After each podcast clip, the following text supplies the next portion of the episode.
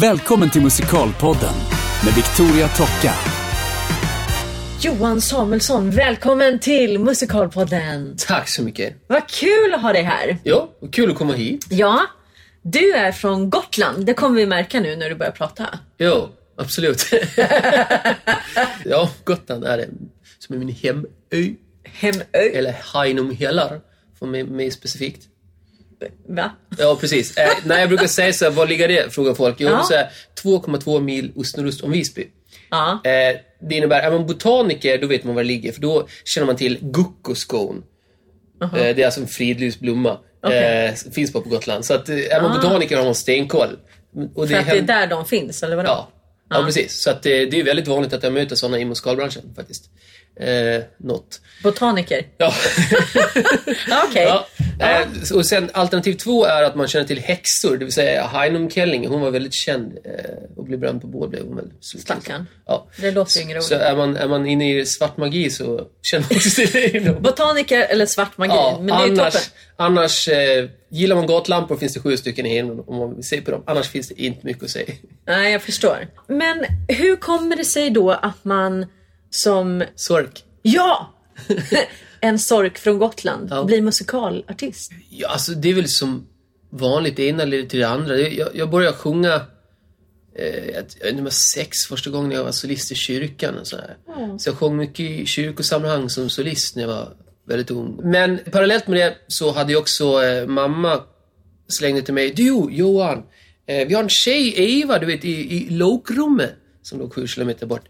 Eh, hon, hon tänkte börja dansa, men hon har ingen att dansa med, någon partner. Skulle du vilja prova det? Ja. Jag bara, ja, det låter kul. Så då började jag dansa på Visby dansskola. Okej. Och eh, så, så sången och dansen har jag haft egentligen från sju kan man säga, sex, sju år. Jag har hållit på med det hela tiden. Ja, och vad var det för... Då var det typ pardans då? Alltså Eller? det börjar med barndans. Det är ju såhär Ja. Musse Pigg, polka. ja, du vet, det är såhär. Ja, ja.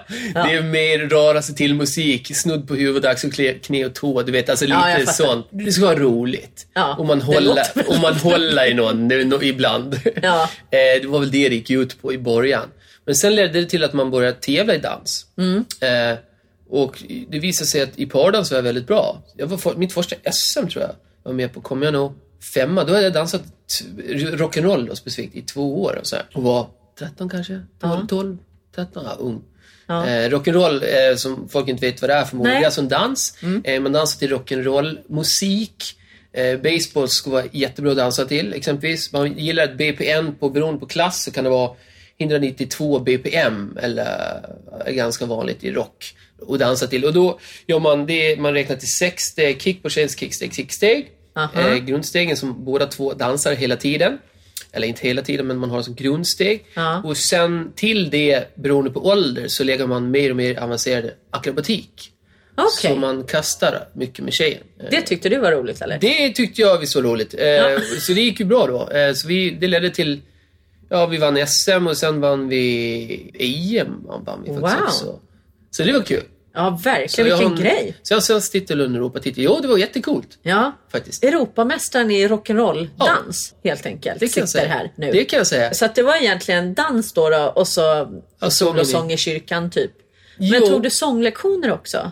Eller du bara sjöng på Nej, jag, feeling liksom? Ja, jag, jag sjöng på feeling faktiskt. Ja. Det var väl ganska bra placerat då. eh, Ja. I den åldern. Ja, precis. Så dan- sånglektioner, det börjar man väl ta när man var 14, 13, kan ha varit något sånt. Börjar nog. Ja. Men när kom du på att du ville satsa på vad ska jag säga, artisteriet som yrke? Alltså för det första så är man på Gotland så är det inte så... Det, det är inte så att alla går runt där och jobbar med musikal eller med sådana här yrken. Det känns Nej. inte så... Det känns ganska långt bort. Det läser man Ja. om, eller så, läser man i tidningen om och så på TV typ. Att det fanns folk som gjorde sånt här. Men man tänkte aldrig på att det, det var faktiskt ett yrke riktigt. Utan det kom väl mer när folk sa till mig, man hade gjort lumpen på Gotland då. Så, Mm. Johan, varför satsar inte på det du är bra på? Jag bara, vadå? Sjung och dansa.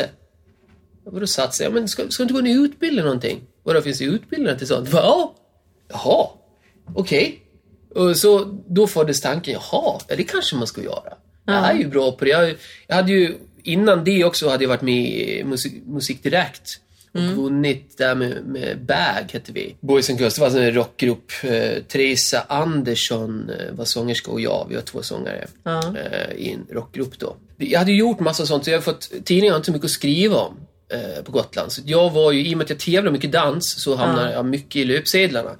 Så att för, för alla andra var det naturligt att varför jag har inte det, men för mig var det inte så självklart. Nej. Och för att förstå vidden av det här, när jag säger att det inte händer så mycket på Gotland, att man blir stor där på grund av att det inte finns något att skriva om, så kan jag säga att när jag åkte hem, för, ja det var fem år sedan kanske, då läste jag löpet på Gotlands Allehanda. Då stod det så här, läs! 12 sidor om rotfrukter! Ja, men då, då var ju jag verkligen hett stoff när man Ja, har vunnit i tävlingar och sånt där. Ja, men det var en EM. Då är det Ja, ja, men det är ju den. Vi, vi fick ju, vi åkte ju, vi var faktiskt med och dansade i Rassel och med Hylands Hörna var vi dansade i och Ja. Lilla Sportspegeln och så. Så vi, vi var mycket på TV också då, i samband med vinst. Ja, jag förstår. Vad gjorde du då? då? Sökte du upp en utbildning eller vad hände? Ja, stämmer. Jag sökte en utbildning och den enda som fanns, man kommer från Gotland, då vill man inte åka så långt. Förlåt, vill man inte? Nu pratar jag plötsligt för alla. Nej, utan att jag kände så att jag vill ju inte för långt bort ifrån Gotland, för där hade man ju alla sina vänner. Ja, jag förstår. Och föräldrar såklart. Och då kände man ju att nej, jag vill inte åka så långt bort. De hade den här Balettakademin i Göteborg. Då fanns inte artisten. Det var före min tid. Eller efter min tid blir det. Så att jag eh, valde Kulturama som då precis hade en Oops, de hade haft ett år introduktion. Så det var första året Kulturama hade musikalartistutbildning. Så då sökte jag till den. Ja. Och då kom jag in, då vet jag Lars Bettke satt i juryn. Eh, Jag kommer ihåg när jag kom in där, eller hade precis kommit in och kom in till, upp till Roy, precis skulle få meddelande. Då sa han, eh, bara för att man är bäst på Gotland så är man inte bäst i världen. Oj! eh, jag tror att det kan ha att göra med att jag inte hade jobbat så mycket med teaterprovet som jag eh, alls. Så jag sjöng det jag skulle och dansade det jag gjorde och teaterprovet det gjorde jag på mitt sätt. Nej, men det är ju också ett eh, ganska sant statement. Inte så här just för dig personligen. Det var ju en utav, vad ska jag säga, de första sakerna man upptäcker väldigt snabbt när, ja, men som jag kom in på Balettakademin i Göteborg. Att även om liksom, vi alla hade varit väldigt bra på våra respektive platser och skolor och sen så samlas man då 30 i en klass där alla ska försöka hitta en ny plats i tillvaron eller vad jag ska säga. För att alla har varit väldigt bra, alltså bäst i, Åmål eller bäst bubbla. i sin bubbla. Ja men exakt. Och det betyder ju inte precis som han sa att bara för att du var bäst på Gotland så är du inte bäst. Sen så får man väl tolka det där som man vill och, och antingen tar man det negativt och blir ledsen eller så bara, ja men jag kanske blir bäst i världen. Vet, ja. Ja. Eh, nej men det är fint, man kan väl tänka tillbaka på det. Just den självtron på sig själv var ju fantastisk. Ja, Den, ja. den känslan när man var bäst på Gotland, då var man, jag tror man hade lite bäst känsla i världen. Man sa det inte, man agerade inte riktigt så, men man hade någonstans Ja. i sig att man var jävligt bra. Alltså. Ja, men jag, jag tror att vi överlag, alla ska kanske bli lite bättre på det. För att jag tror att när man har den känslan i kroppen så tror jag att man, i alla fall upplever jag det som att de gånger jag har känt det så har jag också blivit, vad ska jag säga, mer tolerant och snällare mot alla runt omkring. När man känner att man mår bra och bara, men jag kan mitt och jag mår bra, jag är lugn Jo, liksom. För, för vad det handlar om lite, det är att när folk inte är helt eh, trygga med sig själva, eller känner att de kanske har den nivån de vill ha eller borde ha, då blir man osäker och osäkerhet, det skapar ju aldrig positiva saker. Nej, precis. Tyvärr. Så att eh, den här där ska- självkänslan är oftast bra. Men generellt sådär att våga klappa sig själv på axeln lite oftare och liksom, men, men fan, du är bra på grejer och det Mm, Ja, tror jag bara är bra Ja, faktiskt. det tror jag vi alla ska bli bättre på. Ja. ja, men då gick du på Kulturama. Var det en treårig utbildning? Eh, det var tvåårigt. bara. Tvåårig då? Mm, Ja. Det var bara två år. Efter den så kom jag väl faktiskt in...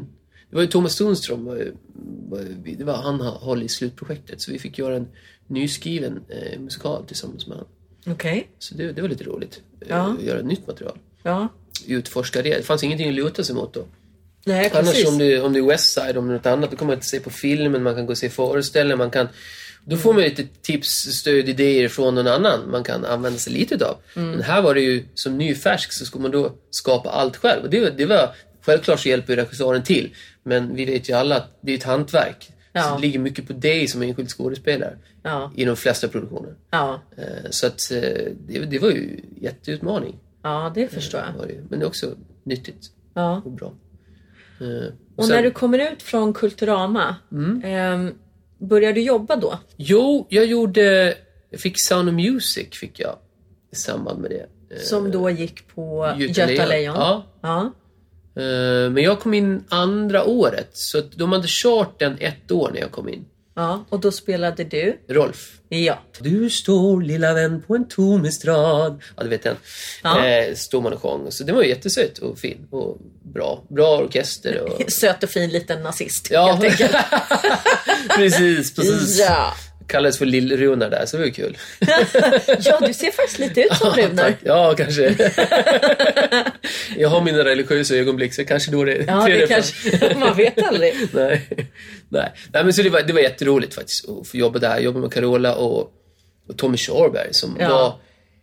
Han, jag har aldrig haft någon idol, men, men jag såg ändå upp till honom för att eh, han sjöng ju så jävla bra. Framförallt Anthem när han gjorde den. Han, han knäckte ju alla tyckte jag. Ja. Så det var ju en fröjd att jobba med han och Carola som också var Sveriges lilla älskling vid den tidpunkten. Ja. Innan hon, ja det är hon väl fortfarande, men det var innan hon slängde brummor på folk och sådär. ja. ja, ja, det, Ja. ja. ja, men det är kul. Och så minns jag också, det var så roligt att jobba där, för att det var ju Ja, såklart, jobba med stråkorkester, det var ju Göta Lejon, det var ju fantastiskt allting där. Mm. Ja. Det roliga jag kommer ihåg, det var ju att eh, Carola sprang runt och satt, satt och budord på toaletterna på, på teatern. Och Charby gick efter och rev ner dem. Jag tyckte det var roligt. de hade någon form av kär- hatkärlek där som jag tyckte var härlig. Men de, alltså, de här, annars gick de, de gick inte i clinch, det var inget sånt snack. Nej. När de är lapparna tyckte jag bara var en tyst, eh, ja. Tyst fight, Ja, helt lite enkelt. så. Lite så. Ja, jag förstår. Jag, tyckte förstår. det kul. Men det måste ju ha varit då ett fantastiskt första professionellt jobb. Jo, det var, det var helt dundrande fantastiskt. Eh, Jag bodde också, kommer jag ihåg, eh, 400 meter bort, så att det var på Götgatan. Så det var ju Härligt. bra på alla sätt. Ja, verkligen. Eh. Och vad, vad hände efter Sound of Music då? Första halvåret så fick jag äran att jobba med Tommy. Ja. Andra året var det med Christer Sjögren. Parallellt med det hade jag då fått med, eller jag hade gjort audition faktiskt för en, för en musikal i Säffle i Värmland. Jaha. Tor Skogman hade skrivit en ny musikal. Det är hans första musikal som han har skrivit. Okej. Och det var Bengt Blomgren från Riksteatern som var, som var regissör. Eh, och då fick jag faktiskt jobb där, erbjudande eh, att få göra Bob. Som var huvudrollens eh, Monica Silfverstrands eh, son. Och då fick jag erbjudandet om det och då skulle det vara parallellt på våren här. Okej. Men det löste sig faktiskt. Så att jag gjorde faktiskt onsdag, torsdag gjorde jag på våren Sound of Music. Och fredag, lördag, söndag gjorde jag Guldhatten på Säffleoperan. Okej. Så jag körde två musikaler parallellt. Det var, det var mycket att göra och mycket att tänka på, men eh, ja, jag tyckte om det. Ja, jag förstår det. Men sen så har ju du också hamnat utomlands, eller hur? Det har jag gjort. Alltså då, då hade jag gjort några produktioner i Sverige. Uh, Dirty Dancing fick jag göra huvudroll i och sen gjorde Nej, vänta, jag... nu måste... Okej, så efter det här första året som var rätt intensivt då har jag Ja. förstått. Du har gjort Dirty Dancing. Ja, Vad gjorde du i Dirty Dancing? nej, jag gjorde Patrick. Nej! Johnny Castle. Nej! Jaha! No one puts baby in a corner, Ja, precis. liksom. Ja, precis. Nej! Så det var roligt. Shit, vad kul! Ja, men det var coolt. Det var, där fick jag faktiskt min bästa recension ever. Den satte jag upp, apropå det vi pratade om tidigare, här med självkänsla, klappa sig själv på axeln. Så kan det vara bra om du har varit på en audition exempelvis, som vi är ofta, eh, och det inte gick så bra. Man var inte nöjd. Nej. Eh, man tycker att fan. Då är det bra att ha någonting sånt att titta på. Då, så jag, Ja. faktiskt, jag ramade faktiskt upp den. Den sitter inte uppe nu, men då gjorde den Ja. eh, Alltså jättebra. jag tycker det är helt rätt. Jag har på mitt kontor hemma som också är liksom kontor slash studio slash lite alla möjliga grejer.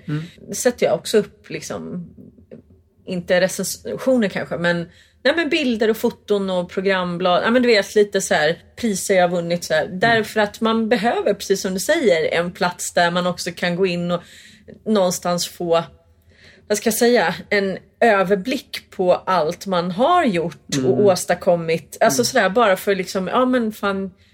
Jag pratade med Josefin Isaksson tidigare som också har varit i Musikalpodden om att det är ju ett ganska ensamt yrke många gånger, speciellt när man är mellan produktioner. Att man sitter mycket på sin kammare, man får jobba för sig själv och, och sådär. Att ibland så hamnar man ju lätt i en svacka mentalt också. Jag kan ingenting och jag får inget jobb och eh, ingen tycker om mig. Och, nej, vet, så här. och då kan det ibland vara bra att liksom bara, ja men titta på allt man har gjort eller åstadkommit sådär och bara, men fastän jag liksom har någonting ändå. Jag har gjort mycket bra saker och sådär så att man liksom inte Man kan tänka ibland, kanske skulle vi som idrottsmän faktiskt har, de har ju någon coach som faktiskt eh, hjälper dem psykiskt. Eh, hur Ja. man ska peppa sig själv innan. Eh, vad man ska tänka, du vet innan det här höga hoppet de ska göra, kanske stå på VM och, eller OS och ska hoppa. Och så stå där och inte störas utav tankar utan snarare fokusera och tänka positivt. Och det där kanske man egentligen ska fokusera. Jag tänkte att ska man, ska man ta hjälp med en sån här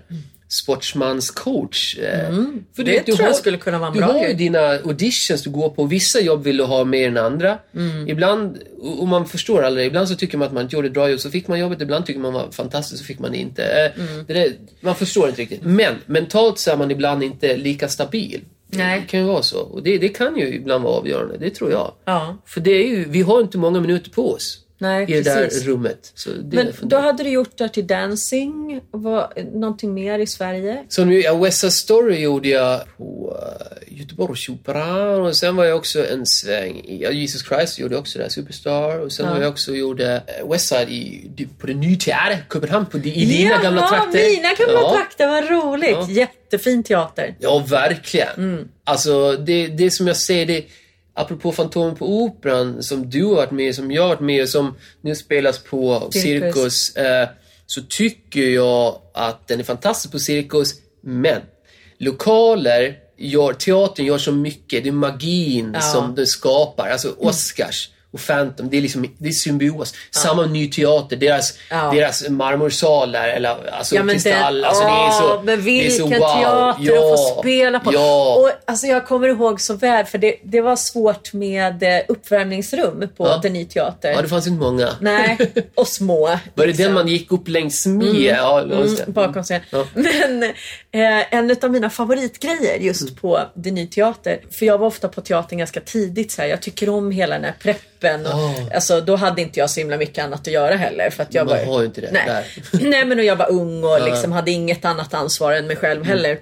Eh, så jag brukar vara på teatern ganska tidigt och liksom gillar hela den här och komma igång och ha min liksom, tid och sådär. Jag hatar ju att stressa och så. Fast det är så skönt. Just det där tystnaden på teater, doften på en teater. Det är... Ja. Det är, alltså, jag, det är magiskt. Ja, och då kommer jag ihåg i alla fall att ute i den här marmorfoajén som Mm. du pratar om, på en trappa upp, alltså Mm. inte ner vid parkett utan en trappa upp, så stod det en stor flygel ute Ja. i, där brukar jag vara och värma upp i den akustiken och Ja. bara känna in teatern på något sätt. Alltså det är en fantastiskt fin arbetsplats. Mm. Så då gjorde du West Side Story i Danmark. Det, var det ditt första jobb utomlands då kan man säga? Jo, det var jag. Först, jag, innan det så gjorde jag Grease eh, i eh, Malmö. Så jag var, jag var nära. Alltså, Mm. Det är inte så långt över till Nej, så jag var ju glad att jag hade varit i Malmö först. För som gotlänning så var ju Malmö svårt nog. Vi hade Gordon Mars som, som regissör. Han bröt på amerikanska, men så var det någon annan vi hade. Hans assistent kan ha varit. Ja, det måste nog ha varit. Dans och regiassistent. Hon var ju från Malmö, Malmö och alltså jag fattade inte mycket vad de sa. Alltså. I början jag fick prata, vad sa de? Vad sa de? Alltså då var det Sverige. Ja. ska man veta. Och sen så kom jag till eh, Köpenhamn eh, Ja. året efter och då var det ju lite bättre. Men det var fortfarande, vad sa de? Ja. Ja, där hade jag väl turen då att jag hade det amerikanska teamet jo, jo. när vi repade in Phantom. Jo, nej, annars är det ju... Ja, Även om ja. jag var tvungen att sjunga på danska. Så, men annars tror jag att jag hade dött säkert. Ja, ja det är svårt alltså. Ja. alltså jag hade som tur var det en som har gått, en, en eh, dansk kille som har gått Balettakademin i Göteborg, så han kunde ju svenska bra och danska, så han, fick, han blev min översättare i, Yes. så det var tur. Det var roligt, där, för då hade vi också med Niklas, jag kan ju inte efternamn på han, men så han blev tillfrågad då av Lars von Trier om inte han kunde dra ihop några, för de skulle testa och filma den här som Björk var med i. Ja. Alltså, Eh, Dance, ja. Dancer in the dark. Ja, Dancer in the Dark. Mm. Så vi fick eh, åka iväg och steppa där. Jaha, Ja. men du var inte med i själva filmen sen? Nej, faktum var att vi fick, sa jag. Eh, jag tackade nej, men alla andra åkte typ. Jag kände att jag var, jag får mig att jag hade, den dagen skulle jag, jag tror jag hade min familj på besök eller sådär. Och jag visste inte vem han var då heller. Eh, så att, hade jag, hade jag vetat allt, att det innebar att jag skulle vara med och steppa en film, eh, som mina kollegor fick, då hade de valt att åka på den där. Så det kan man säga till alla. Får ni chansen, ta den. Man vet aldrig vart det leder. Det är egentligen en bra grej att alltid ta med sig. Man ska alltid gå på allt. Så ibland så får man ett erbjudande från ett hörn som är på grund av det. För jag kan säga att det är lite så här att det var lite därför jag nästan fick mitt första jobb i Tyskland. För jag gjorde Tanste Vampyr, jag hade audition i Stockholm. Jag kände såhär, tyska, jag kan ju fan inte tyska. Vad ska, jag, vad ska jag hit och göra? Ja. Då hade de på Danskompaniet audition. Ja, jag tänkte, ja men jag går väl dit liksom. Så sjöng jag någonting. Så tyckte de, ja men grymt bra. Och sen så fick jag en kallelse, ja du är välkommen till audition i Stuttgart. Jag bara, jaha? Ja. Och då var det som eh, till av rollerna där, det, jag tror han hette Alfred, Al, Alfred Al, Albert. Al, Alfred Albert, ja, Albert, Albert säger. Eh, Han var i alla fall eh, eh, Draculas son som var gay. Ja. Eh, så den skulle jag få åka och göra audition för. Ja. Vilket jag gjorde. Eh, jag åkte dit och gjorde audition och då var Polanski där och vi sjöng. Eh, jag fick det inte, men i alla fall. Och då, den regiassistenten ringde, efter den audition så ringde han till Elisabeth i Essen Ja. och sa Tjena! Jag hörde ni söker en fantom, eh, förlåt, en, en D2 eh, döden som är huvudrollen då, Ja. i, Elisabeth. Jag har en kille här till. Så då ringde de upp mig och sa Hej, vi har fått tips ifrån och vi vill jättegärna att du kommer. Så då skickade de mig tre låtar och, att, som jag skulle lära mig. Ja. Så fick jag plugga stenhårt. Jobba stenhårt med eh, Harald Lek. Ja. Eh, just samtidigt så gjorde jag då det här var under året som jag gjorde Jesus Christ Superstar i, på Göteborgsoperan. Så jag var då i Göteborg. Så Ja. fick jag möjlighet att jobba med Harald Ek som var artistens eh, Just det. ja, jag vill ju påstå bästa coach. Ursäkta ni andra. Men eh, jag tycker fortfarande att han är det. Eh, han hade ju en god renommé. Han hade ju jobbat med många artister som du känner till. Ja. Eh, vi har ju Jesper Thydén. Ja. Alex, Lycke, Fredrik Lycke. Och sen många fler än så. Ja. Så det, det var, ja, jag kände att det var klockrent beslut att åka till han och jag jobbade med han och när jag kom ner dit så fick jag, vill jag nog påstå, mycket tack vare det jobbet. Självklart så jobbar jag varje dag. Vi vet ju, apropå, det nya teater har ju inga övningsrum. Nej. Göteborgsoperan har ju nej, Många rum. 30 typ. Så att det, jag var ju där och övade varje dag. Så jag körde Ja. stenhårt på tyskan. Jag ringde, eh, jag visste på operan hade de några som jobbade med tyska språket. Och kom man, Så jag tog fonetiklektioner under tiden. Mm. Ja. Parallellt, jag hade två veckor på mig att lära tre sånger och utveckla min tyska. Och sådär. Ja. Så att jag jobbade stenhårt och då fick jag det. Ja. Så att kämpa bara så får man ju det. Det, det är ju så, hårt jobb, det lönar sig. Och det tror jag är otroligt viktigt Ja. att säga faktiskt. Jo. Eh, för att det är lätt eh, att bli lite bekväm, precis Oh, som ja. du säger, men jag kan inte tyska, Ja. Mm, jag skiter i det. Eller alltså vad det nu kan vara. Men just precis det du säger, lägg ner jobbet. Mm. Eh, för det kommer att löna sig i längden. Jo, det gör det. Inte, inte alla gånger, men många gånger. Mm. Lär dig allt. Då kan man fokusera på allt annat. För det, det var samma när jag gjorde eh, Raul här. Jag, jag hade städat tyska, jag hade jobbat... Alltså faktum var att jag jobbade i tre månader innan jag började. Ja. Började jag. Tre, Ja. Det är ganska lång tid. Men Ja. jag kände att det är tyska, det är mycket... Jag, jag måste köra. Ja. Så jag körde varje dag. Vissa prator var snabbare än andra. Så jag kunde inte, jag, när jag försökte, jag kunde inte säga de här sakerna i, i tempot. Det blev bara... Alltså det gick ju inte. Så jag tog det långsamt, artikulerade det tydligt. Och sen höjde jag tempot, höjde tempot, höjde tempot. Och då funkar det. ja. Tack gode gud för att Kristin bara har typ så här fem repliker. Ja, För du kastade dig i böljorna för att hämta mitt röda scarf. snyggt ju. Ja. Men eh, det tog ju ett tag. Du vet, jag, precis som du beskriver nu. Ja.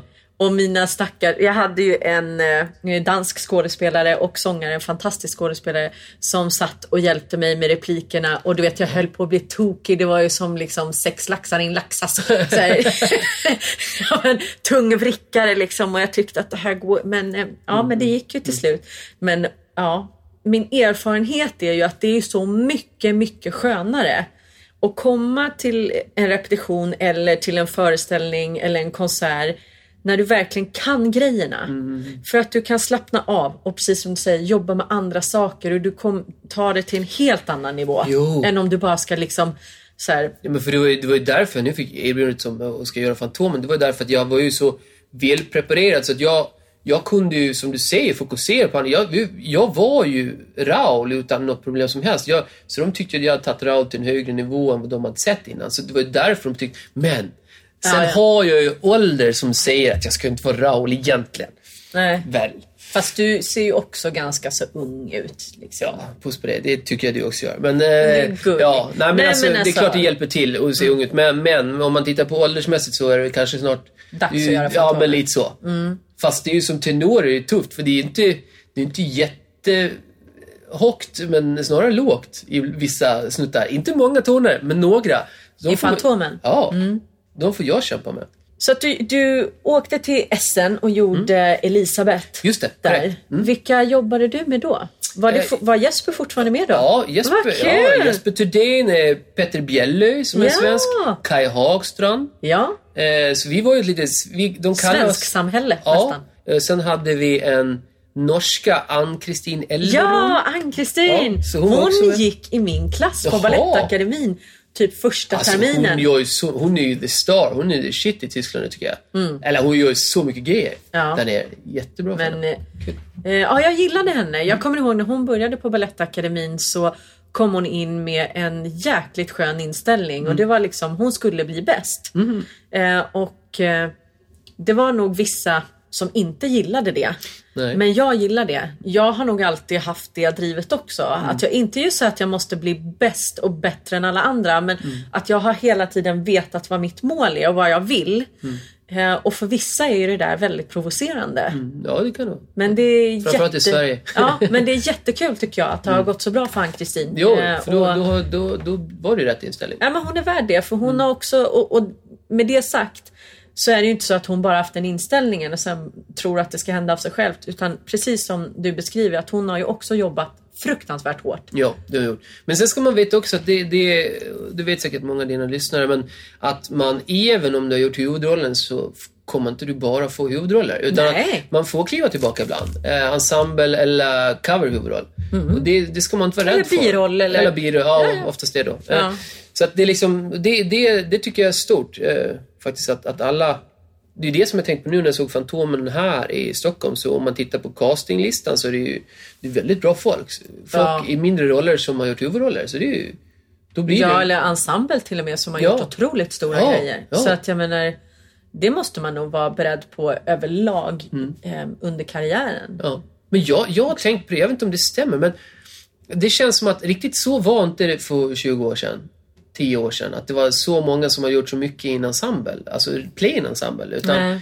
Utan det är första gången jag ser det här. Jag såg det när jag tittade i London på musikal så tyckte jag det var en vanligare fenomen där. Att det kunde vara i ensemble så var det någon som gjort huvudrollen i Les Mis huvudrollen Men är inte det ett tecken också på att nivån börjar höjas? Jo, visst är det så. Att, och sen eh, också att många svenskar drar sig till Tyskland. Ja, eller utomlands överlag. utomlands, Så. ja. Ja. Jag vill ju tro att de flesta åker till Tyskland, kanske de gör. Finns ja, det någon statistik? Har du kollat? Nej, jag har inte det. Jag kanske får göra det. Det ska vara kul att se. Hur många är i London, hur många är i England, hur många är i Tyskland? Ja. Det är nog klart fler i Tyskland. Ja. Det är jag helt säker på. Ja, och just det att man inte ska vara rädd för... Språkbarriärer. Nej, precis. Det handlar ju som sagt hur mycket jobb är du villig att lägga ner. Mm, ja, ja. Liksom.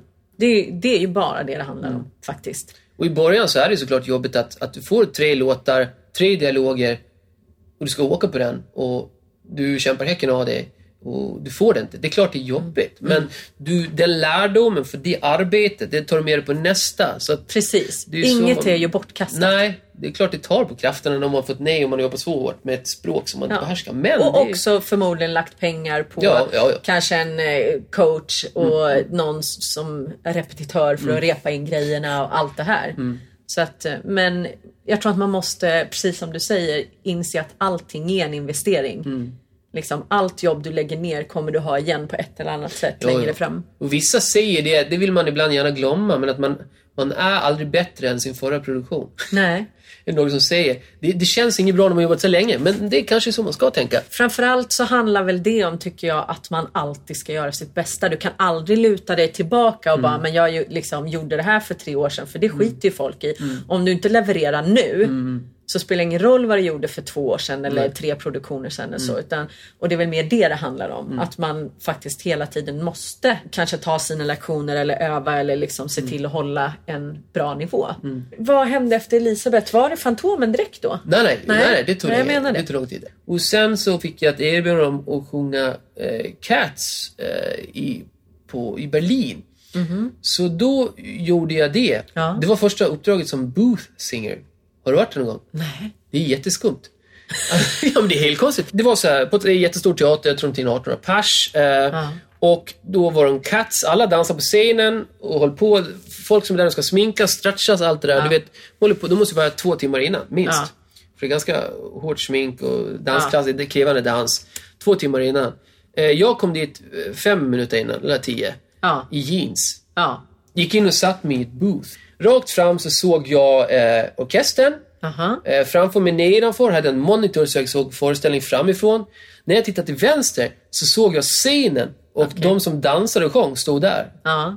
Och då sjöng jag samtidigt som de dansade, för de behövde, de behövde. Förstärka sången helt enkelt. Så jag var tenor där. Eh, Och det var, ja, vi förstärkte. Och det var, men det var en jättekonstig känsla. Ja, jag här är en förstår. föreställning. Jag står här och sjunger live i jeans till Ja. föreställning och där är de och svettas ihjäl sig. Och, Ja. ja, jätteskumt.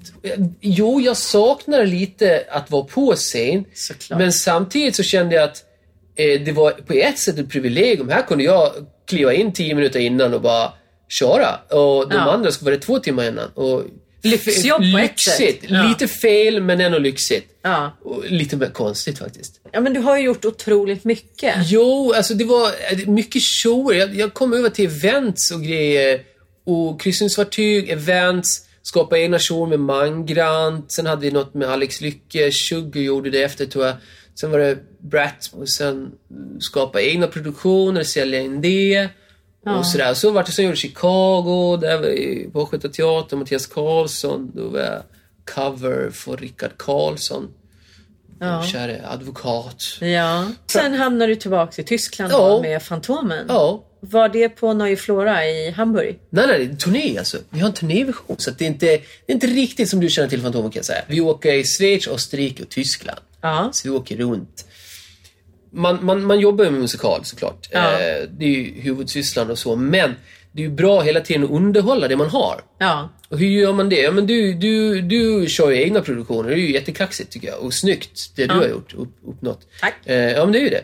Och då har jag andra sidoprojekt. Visst, man kör events, gör man mycket. Mm. När man inte har musikaljobb. Man, kör, man kan köra båtar. Mm. Eh, man kan köra, mm, sälja egna grejer. Och sen har vi nu Mm. den här frispelsteatern som jag jobbar med. Och då jobbar vi med improvisationsteater. Mm. Musikal improvisation.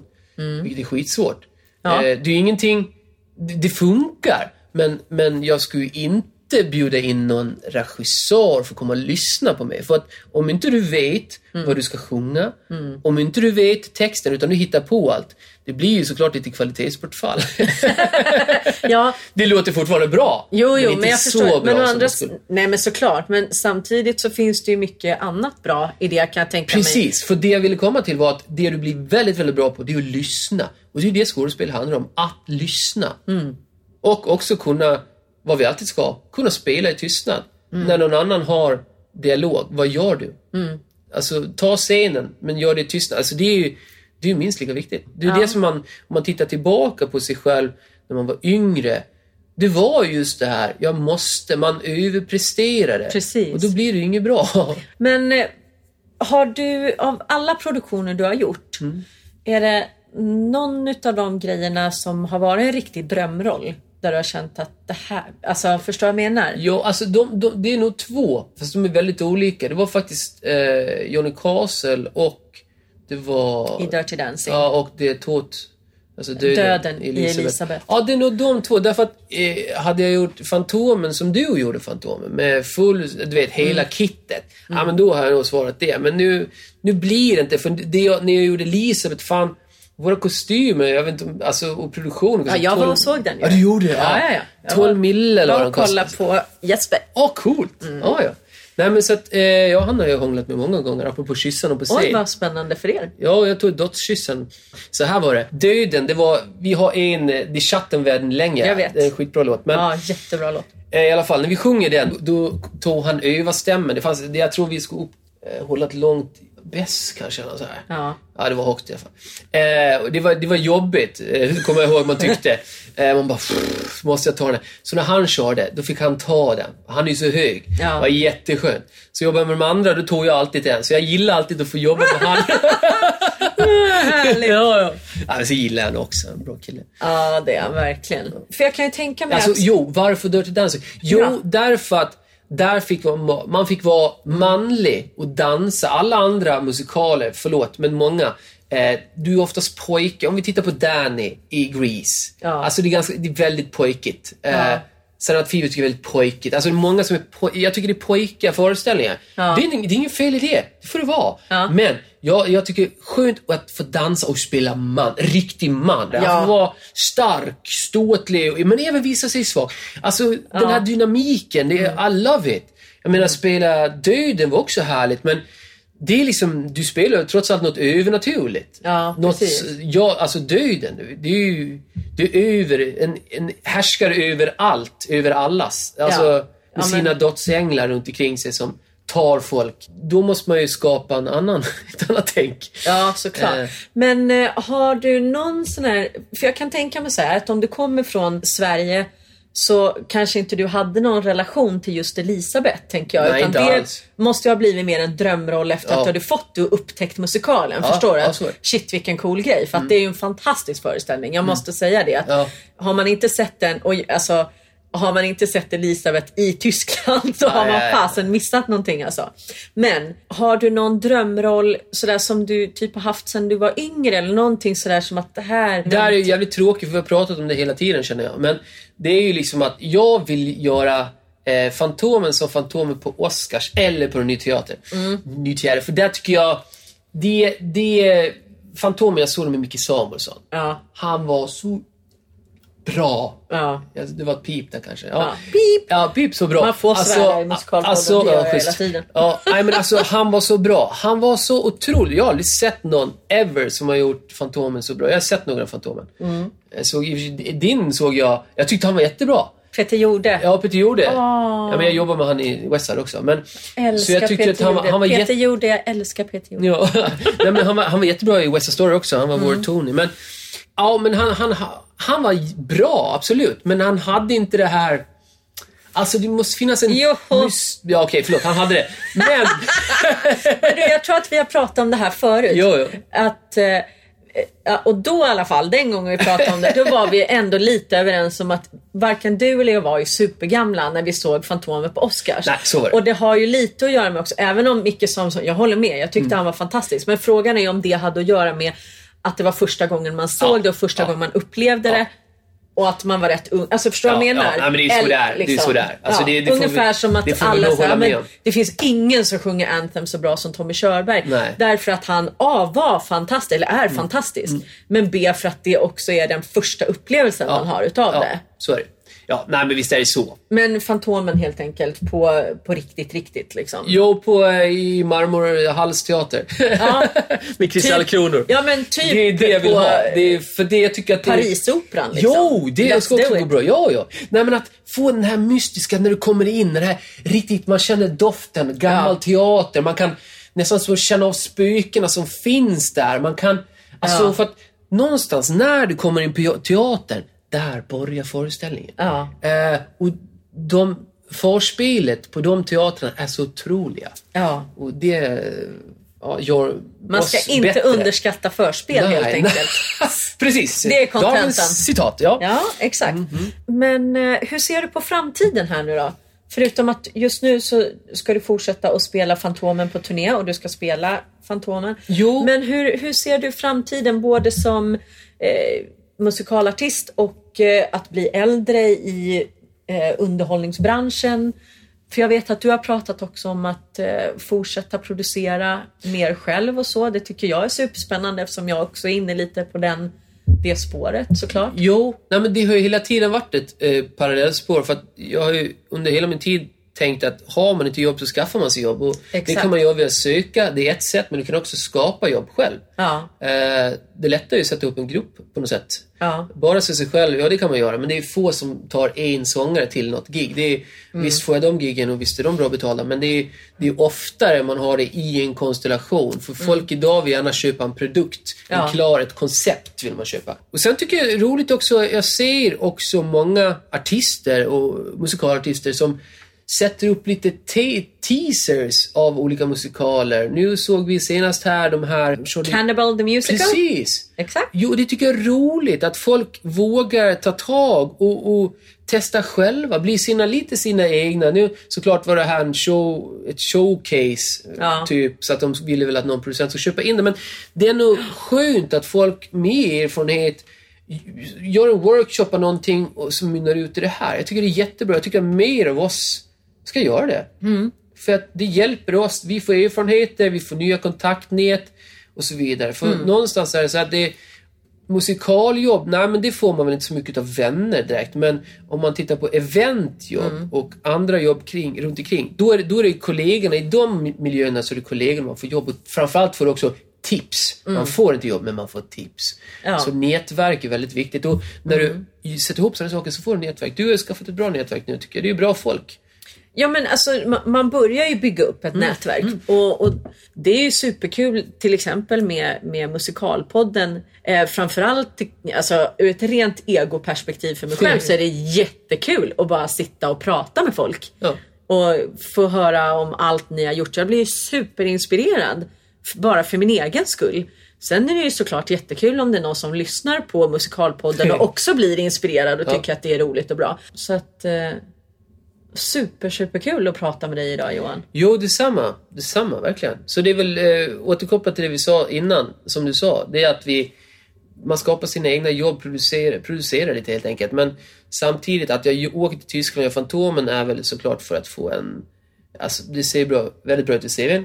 Eh, plus att jag återknyter lite till Tyskland ifall att jag vill göra något eh, längre där. För det, det, jag har fortfarande den möjligheten. Ja. Och jag, om det är tillräckligt intressant så skulle inte jag säga nej. Men självklart vill jag helst vara i Sverige. Men jag tror ju också att eh, när man når en viss punkt i livet, för du har också gift dig, Ja, det har eller hur? Ja. Ganska nyligen. Ganska nyligen eh, på midsommardagen faktiskt. Oj, jag Så du är gratulerar. väldigt bakare. Ja. Eh, nej men då hamnar man ju också i ett läge där eh, alltså livet går vidare. Man blir eh, äldre och så småningom kanske det är liksom barn på kartan och allt där. Och att eh, då är det inte lika självklart att Nej. man bara flyttar allihopa till Tyskland i ett år för men att det. spela. Det Och spela åtta föreställningar i veckan. Och, alltså sådär, utan självklart är det så att jag känner ju precis samma sak. Sen jag flyttade tillbaks till Sverige och jag har två barn och sådär. Att det, Mm.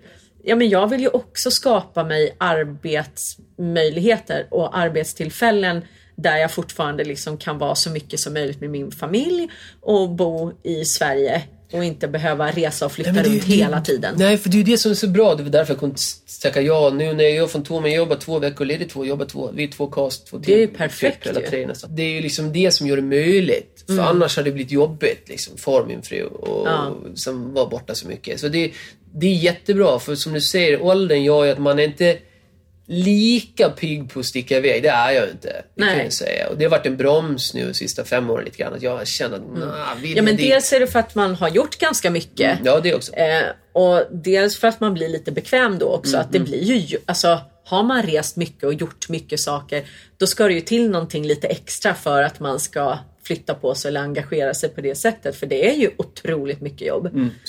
Men vad kul att du har varit här och delat med dig av alla dina Jo. erfarenheter Johan. Tack, Tack för själv. att du ville vara med i. Musikalpodden. Tack själv. Det var trevligt. Musikalpodden med Victoria Tocka.